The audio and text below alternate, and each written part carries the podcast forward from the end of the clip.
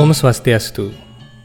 Enam bulan sekali, pada Sabtu umani suatu gunung, sekolah-sekolah di Bali akan dipenuhi hiasan dari janur dan dedaunan warna-warni. Tempat suci Padmasana di sekolah dihias dengan indah dan siswa-siswa datang bersembahyang dengan bimbingan dari para guru pengajar. Itulah suasana Hari Raya Saraswati, hari suci untuk memuja Ibu Saraswati.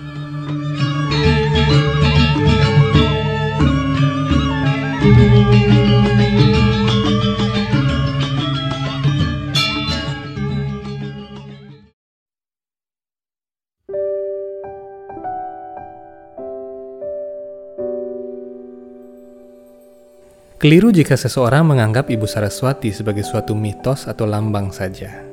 Ibu Saraswati adalah Ibu Weda, yang adalah ekspansi dari Gayatri. Gayatri sendiri adalah salah satu wujud tenaga dalam Tuhan atau Yoga Maya.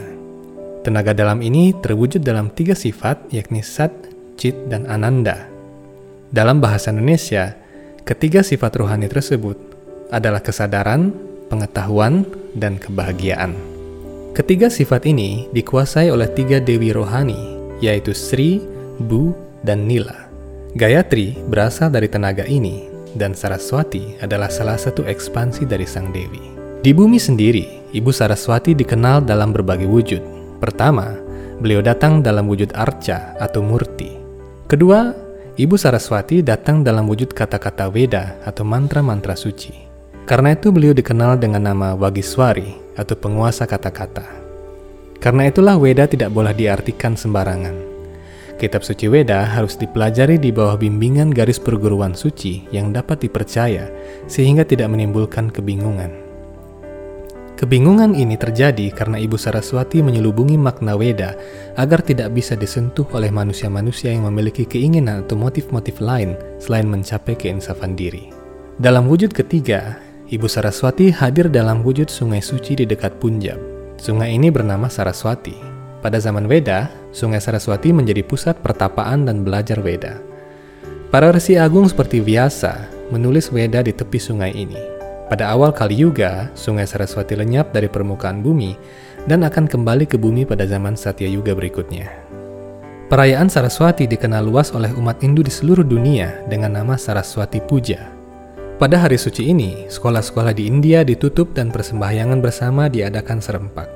Bedanya di India, perayaan ini jatuh setahun sekali, yakni pada hari Wasanta Panchami, atau hari pertama musim semi di bulan Februari atau Maret.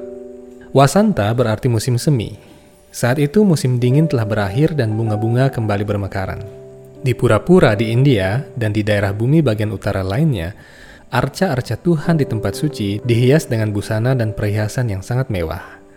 Kadang-kadang umat membuat pakaian arca yang terbuat dari rangkaian bunga. Pucuk-pucuk rerumputan seperti rumput kusa dipersembahkan juga ke hadapan arca. Sebelum perayaan Saraswati Puja, sekolah-sekolah dan organisasi remaja mengadakan berbagai kegiatan lomba seperti lomba musik, dharma tula, olahraga, dan kegiatan lainnya. Pada hari Wasanta Pancami atau Saraswati Puja, hadiah dibagikan kepada para siswa. Acara kemudian ditutup dengan melantunkan bajan dan mantra kepada Ibu Saraswati. Umat Hindu di Indonesia, khususnya di Bali, juga memiliki tradisi unik dalam merayakan Hari Raya Saraswati. Umat Hindu di Bali umumnya akan mempersembahkan nasi kuning, tumpeng kuning, dan hiasan janur berwarna serba kuning. Tempat suci pun dihias dengan warna kuning. Di berbagai tempat, bija dicampur dengan kunyit agar menjadi kuning. Jadilah Saraswati sebagai festival kuning yang sangat indah. Warna kuning dan merah adalah warna kemujuran sesuai dengan kitab suci Weda. Anak-anak Brahmacari biasanya memakai pakaian berwarna kuning yang menjadi pertanda bahwa dia sedang tekun mempelajari Weda dan mempraktikkan kesucian. Maka dari itu kuning menjadi warna bagi Dewi Saraswati. Selain itu di Bali dikenal persembahan khusus pada hari Saraswati, yakni Banten Saraswati. Banten Saraswati berisikan berbagai jenis wewangian dan daun sirih. Sirih, atau yang disebut juga sebagai pucang dan sedah, adalah pelengkap dalam persembahan tambula atau wewangian. Dalam budaya Jawa dan Bali kuno, mempersembahkan sirih kepada tamu dianggap sebagai persembahan kelas tinggi. Dan karena sirih terkait dengan bahan antiseptik untuk membersihkan gigi dan mulut, sirih identik dengan kata-kata yang suci dan bijak yang keluar dari mulut seseorang. Sehari setelah perayaan Saraswati, terdapat suatu perayaan yang disebut dengan Banyu Pinaruh. Pada saat Banyu Pinaruh, umat Hindu bangun pagi-pagi dan mandi di mata air, sungai, ataupun laut untuk menyucikan diri. Perayaan Banyu Pinaruh mengingatkan umat Hindu bahwa pengetahuan suci Weda dimaksudkan untuk menyucikan diri dari kegelapan akibat awidya atau kebodohan. Kebodohan artinya tidak mengetahui hubungan sejati sang Atma dengan Tuhan, sehingga tidak mengerti tujuan hidup yang sejati sebagai manusia, yakni untuk kembali kepada Tuhan. Pada saat Banyu Pinaruh, di beberapa daerah di Bali terdapat tradisi mempersembahkan nasi pradnyan. Nasi pradnyan adalah olahan nasi dengan kacang serta saur atau parutan kelapa yang disangrai. Secara harfiah, nasi pradnyan berarti nasi kepintaran atau nasi pengetahuan. Di samping nasi pradnyan, dipersembahkan juga jamu yang terbuat dari dedaunan. Jamu ini kemudian dibagi-bagikan setelah dipersembahkan kepada Tuhan. Ada suatu kisah dalam Weda Caitanya Caritamrita mengenai Dewi Saraswati. 500 tahun yang lalu, di sekitaran tahun 1400 Saka, di daerah Benggala, India Timur, hidup seorang sarjana terpelajar bernama Keshawa Kasmiri. Dia adalah seorang pemuja Dewi Saraswati yang taat. Dia melakukan banyak pertapaan untuk memuaskan Ibu Saraswati. Sebagai hasil dari pertapaan dan ketekunannya, Ibu Saraswati datang di hadapannya dan memberinya berkat. Berkat itu adalah bahwa dia akan menjadi sarjana Sanskerta yang sangat terpelajar dan ahli. Atas berkat Ibu Saraswati, Kesawa Kasmiri menjadi sarjana yang disegani di seluruh Benggala. Gelar Digwijayi diberikan kepadanya karena dia telah mampu mengalahkan seluruh sarjana Weda di Benggala. Tidak ada seorang pun yang mampu mengalahkannya dalam berbagai ajang adu sastra maupun adu pengetahuan beda. Semua sarjana lain takut pada Kesau Kasmiri. Pada zaman yang sama, Tuhan Sri Krishna, penguasa alam semesta, dan juga para dewa turun di Benggala dan mengambil nama Sri Chaitanya Mahaprabhu. Pada saat itu Sri Chaitanya Mahaprabhu baru berusia 14 tahun. Misi suci beliau di zaman Kali Yuga ini adalah untuk menyebarkan nama suci Tuhan Sri Krishna sebagai Yuga Dharma atau kegiatan keagamaan di zaman Kali Yuga. Walaupun masih berusia 14 tahun, Sri Chaitanya yang memiliki nama kecil Nimai Pandit sudah mampu mengalahkan banyak sarjana Weda di seantero Benggala. Mengapa tidak? Beliau adalah inkarnasi Tuhan sendiri, pencipta Weda. Apa sulitnya mengalahkan manusia-manusia biasa?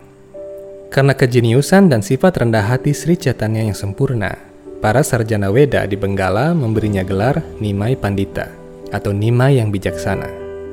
Banyak orang menjadi muridnya dan banyak sarjana Weda menjadikannya teladan.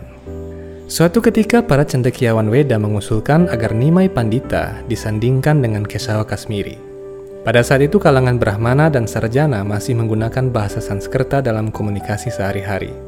Bahasa Sanskerta sebagai bahasa sehari-hari para kalangan terpelajar masih digunakan hingga satu abad sesudahnya pada zaman Narottam Das Thakur. Pada suatu hari, pertemuan antara Nimai Pandit dan Kesawa Kasmiri diadakan dan dihadiri semua cendikiawan Hindu dari seluruh tanah Benggala. Melihat tandingannya adalah seorang anak berumur 14 tahun, Kesawa Kasmiri menganggap remeh Nimai Pandita, yang adalah inkarnasi Tuhan sendiri. Nimai Pandita meminta Kesawa Kasmiri untuk menyusun 100 loka pujian untuk Sungai Gangga dalam bahasa Sanskerta murni. Dengan kata-kata yang menyamar-nyambar bagaikan petir, Kesawa Kasmiri sang sarjana Weda langsung menyusun dan mengucapkan 100 loka pujian karangannya sendiri tanpa perlu menulisnya di atas daun lontar. Sri Chaitanya atau Nimai Pandita dapat mengingat ke 100 loka itu hanya dengan sekali mendengar. Ketika ia selesai mendeklamasikan 100 loka yang dibuatnya, Kesawa Kasmiri menjadi sombong atas kepandaiannya. Ia menganggap sloka-sloka buatannya itu sangat sempurna tanpa cacat celah. Namun apa yang terjadi malah di luar dugaannya. Dengan tenang Sri Chaitanya menyebutkan kesalahan-kesalahan tata bahasa yang fatal dalam 100 sloka karangan Kesawa Kasmiri. Nimai Pandita dapat menghafal ke 100 sloka itu dan menjelaskan letak kesalahan tata bahasa Kesawa Kasmiri dengan sangat detail dalam 64 cara berbeda. Itu membuat Kesau Kasmiri kaget luar biasa. Semua sarjana yang menghadiri pertemuan itu terheran-heran atas kepandaian bocah ajaib berusia 14 tahun itu.